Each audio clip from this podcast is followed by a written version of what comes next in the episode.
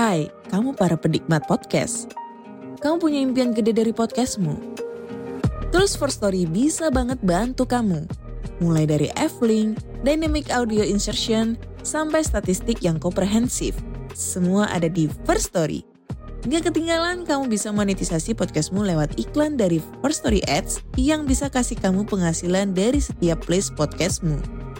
Yuk gabung sekarang dengan klik di firststory.me. Sekali lagi, klik di firststory.me. Mari kita bawa mimpi podcastingmu menjadi kenyataan. Hello? Hello? Podcast Network Asia. Halo semua pendengar mitologi santuy, podcast yang ngebahas mitologi dengan cara yang santuy. Kali ini kita take a break sejenak dari cerita petualangan Jason dan kembali menatap langit gelap penuh bintang yang cemerlang sambil dengerin asal mula rasi bintang. Kecuali kalau lu tinggal di Jakarta kayak gue yang gak bisa ngeliat bintang karena polusi. Well, nggak masalah. Karena podcast ini tetap ada walaupun langit tak berbintang. Jailah. Anyway, saat episode ini terbit adalah saat rasi bintang Libra berkuasa dan orang-orang yang lahir di antara tanggal 22 September sampai 23 Oktober bisa dibilang sebagai librarian. Sorry, librarian.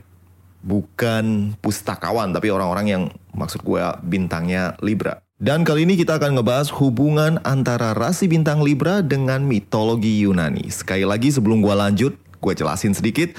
Kalau gue bukan pakar astrologi dan gue nggak bisa ngeramal. Episode ini hanya ngebahas tentang sejarah dan mitologi rasi bintang, so please jangan coba-coba nanya-nanya gue soal ramalan yo. Oke, mari kita mulai episode mitologia horoskop Libra.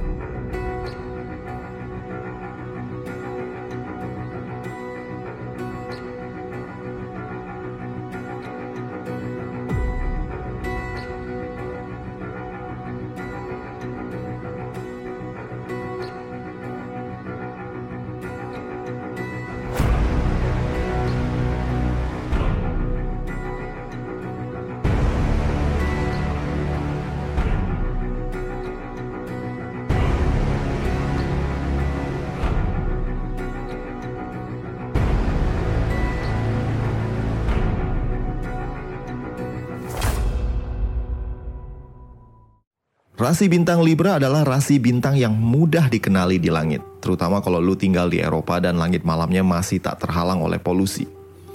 Posisi Libra berada di antara rasi bintang Virgo dan juga Scorpio.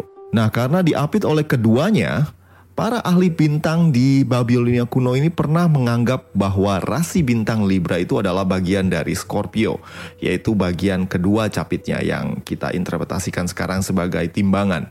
Namun seiring perkembangan zaman dan juga peradaban, bangsa Romawi kemudian menganggap kalau kedua capit Scorpio ini adalah rasi bintang sendiri dan kemudian menamainya Libra atau dalam bahasa Latin kalau kita terjemahkan sekarang jadi timbangan. Hal ini karena bentuk rasi bintang Libra menyerupai timbangan yang merupakan ornamen atau simbol dari Dewi Astrea yang merupakan dewi yang berada di belakang rasi bintang Virgo. Rasi bintang Libra adalah satu-satunya rasi bintang yang bukan hewan dan bukan juga manusia atau gabungan antara hewan dan manusia.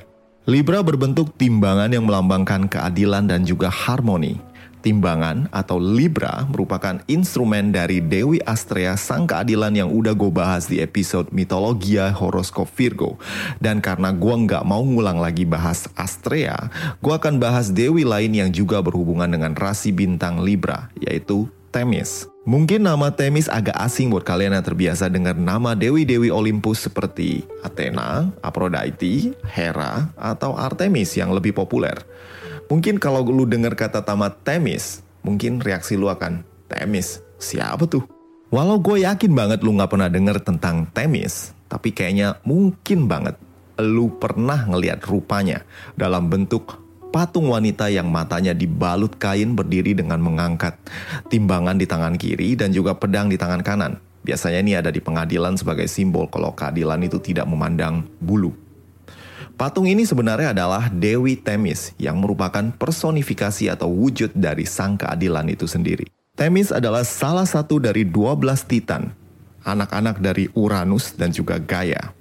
Temis yang artinya hukum ilahi merupakan dewi keadilan keteraturan semesta, hukum, dan juga adat. Walau sama-sama dewi keadilan dengan Astrea, Temis berbeda banget dengan Astrea.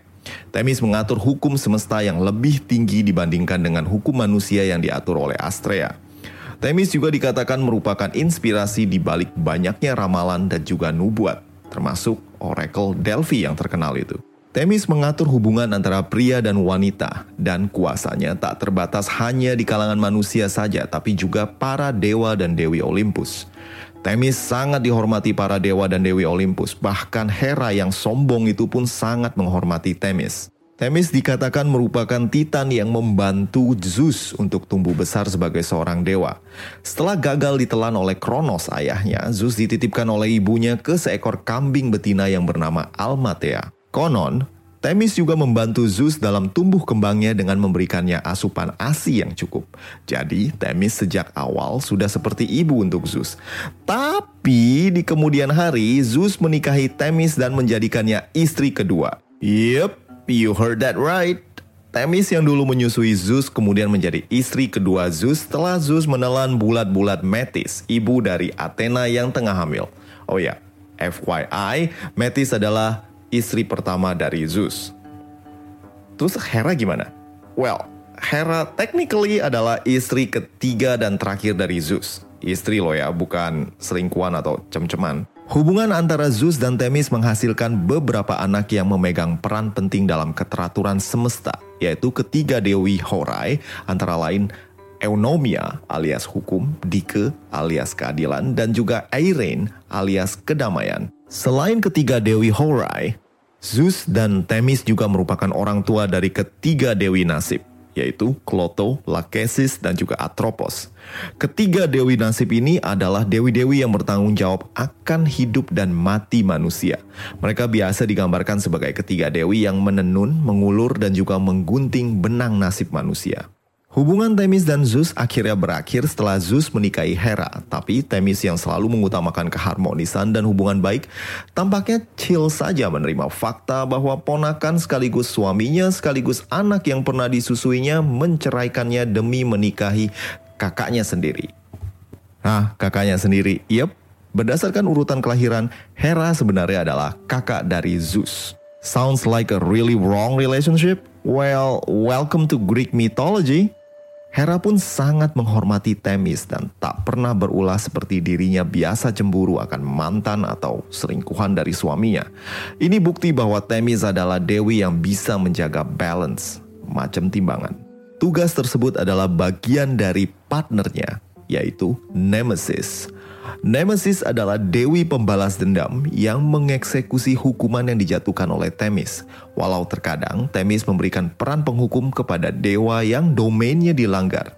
Seperti kalau ada yang ngotorin laut ya dia lapor ke Poseidon. Atau kalau nggak ada yang uh, sembarangan gali kubur ya dia lapor ke Hades. Ya kayak gitu deh. Terus apa gunanya pedang yang dipegangnya? Well, pedang ini sifatnya lebih ke simbol tajamnya akal sehat daripada senjata secara fisik. Sedangkan timbangan yang dipegangnya merupakan simbol keadilan dan kain yang menutup matanya adalah simbol kekuatan meramalnya atau ketidakberpihakannya kepada satu pihak apa pun. Jadi Temis ini bisa dibilang dewi paling netral seperti semestinya keadilan itu. Temis dan Nemesis memiliki sifat yang bertolak belakang bagaikan yin dan yang. Themis cenderung stoik, sedangkan Nemesis bersifat penuh amarah dan dendam. Namun terkadang keduanya disembah di kuil yang sama seperti kuil yang ada di Ramnos Yunani. Oh iya, Themis juga disebut memiliki kemampuan untuk meramal dan dikatakan merupakan peramal yang mendirikan Oracle of Delphi yang kemudian menjadi milik dari Apollo. Themis membantu Apollo dalam membangun pusat ramalan ini demi membantu umat manusia. Walaupun di kemudian hari, Oracle Delphi lebih identik dengan Apollo daripada Themis. Themis memiliki beberapa peran dalam beberapa cerita di mitologi Yunani. Dalam cerita kelahiran dari Achilles, Themis berperan sebagai seorang dewi yang memberitahukan kepada Poseidon dan Zeus yang kala itu sama-sama jatuh cinta kepada Metis, seorang peri laut yang kelak akan menjadi ibu Achilles, bahwa anak yang lahir dari rahim Metis akan lebih kuat dari ayahnya. Ramalan dari Themis ini kemudian membuat Zeus dan Poseidon mundur teratur dan Metis pun kemudian jatuh cinta kepada seorang manusia yang bernama Peleus. Kelak hubungan Metis dan Peleus akan menghasilkan pahlawan andalan Yunani dalam perang Troya, yaitu Achilles. Themis juga disebut sebagai dewi yang memberi petunjuk kepada Deukalion untuk melempar tulang ibunya dalam tanda kutip untuk menciptakan satu ras manusia baru sebagai pengganti ras manusia yang musnah karena banjir besar. Oh ya, kalian bisa dengerin cerita ini di episode Bencana Air Bah dan Hukuman Prometheus. Temis juga dikatakan telah meramal tentang pencurian apel emas Hesperida yang dilakukan oleh salah satu putra Zeus.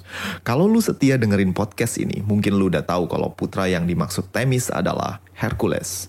Temis juga pernah memberikan saran kepada Aphrodite yang khawatir kalau anaknya, Eros, akan selalu berbentuk anak-anak dan tidak pernah dewasa. Saran Temis kepada Aphrodite adalah Aphrodite harus memberikan adik kepada Eros agar Eros dapat tumbuh dewasa. Alasannya adalah Eros yang merupakan lambang dari nafsu dan cinta selalu sendirian dan cinta tak bisa tumbuh jika sendirian maka Anteros pun terakhir sebagai adik dari Eros, dan Eros tumbuh dewasa ketika Anteros bersamanya. Sedikit trivia info, Anteros adalah dewa cinta terbalas, dan Eros adalah cinta. Makanya, cinta akan tumbuh jika terbalas. Oh my god, so deep. Nah, kalau lu dengerin semua peran dari Temis yang gue ceritain barusan, rata-rata berperan sebagai juru ramal atau tempat meminta nasihat. Karakter ini juga mempengaruhi orang-orang yang lahir di bawah pengaruh dari rasi bintang Libra. Librarians digambarkan seperti timbangan, mewakili keseimbangan, keadilan, dan juga kesetaraan. Mereka memiliki bakat bawaan sebagai seorang diplomat yang bisa melihat masalah dari kedua sisi. Karena sikapnya yang jujur dan adil, orang yang lahir di bawah bintang Libra ini dianggap pantas dipercaya. Si, mirip-mirip dengan Temis kan?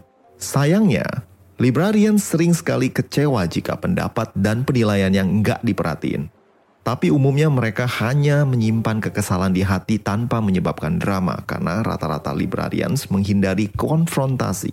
Librarian tidak suka sendirian, sehingga mereka biasanya merupakan makhluk sosial dan teman yang baik buat semua kalangan.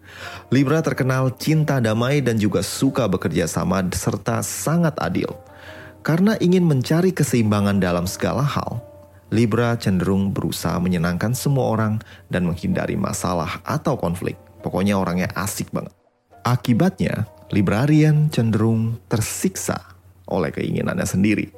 Mereka cenderung sering berkorban dan juga membiarkan orang lain menang walau dirinya sedih. Elemen utama Libra adalah udara yang memperkuat keseimbangan dan juga harmoni yang merupakan sifat dasar dari Libra. Planet yang mempengaruhi Libra adalah Venus. Makanya, rata-rata Libra konon memiliki rasa atau cita rasa yang tinggi. Pecinta seni dan juga suka akan ilmu pengetahuan. Jadi nggak heran kalau Librarians bisa jadi ahli desain, dekor, atau juga penata gaya. Librarians pandai dalam mengambil inisiatif, tapi karena penuh dengan perhitungan, terkadang mereka akan terjebak dalam kegamangan, sulit mengambil keputusan. Intuisi Libra juga tinggi dan juga sangat mudah beradaptasi dalam berbagai situasi dan menghindari permasalahan hanya dengan mengandalkan pesona mereka. Nah, demikianlah episode mitologia horoskop kali ini. Semoga kalian suka dan enjoy, terutama kalian yang berbintang Libra. Sekali lagi, gue ingatkan, kalau semua cerita dan juga gambaran gue soal Libra berasal dari buku dan sumber-sumber bacaan, bukan gue yang nulis sendiri. Gue gak bisa ngeramal dan beneran jangan nanya-nanya gue soal rezeki atau kisah cinta. Buat kalian yang pengen dukung podcast ini, silahkan hubungi gue di link yang tersedia di deskripsi episode. Sampai sini dulu, and ciao! Pandangan dan opini yang disampaikan oleh kreator podcast, host, dan tamu tidak mencerminkan kebijakan resmi dan bagian dari podcast Network Asia. Setiap konten yang disampaikan mereka di dalam podcast adalah opini mereka sendiri dan tidak bermaksud untuk merugikan agama, grup etnik, perkumpulan, organisasi, perusahaan, perorangan, atau siapa pun dan apa pun.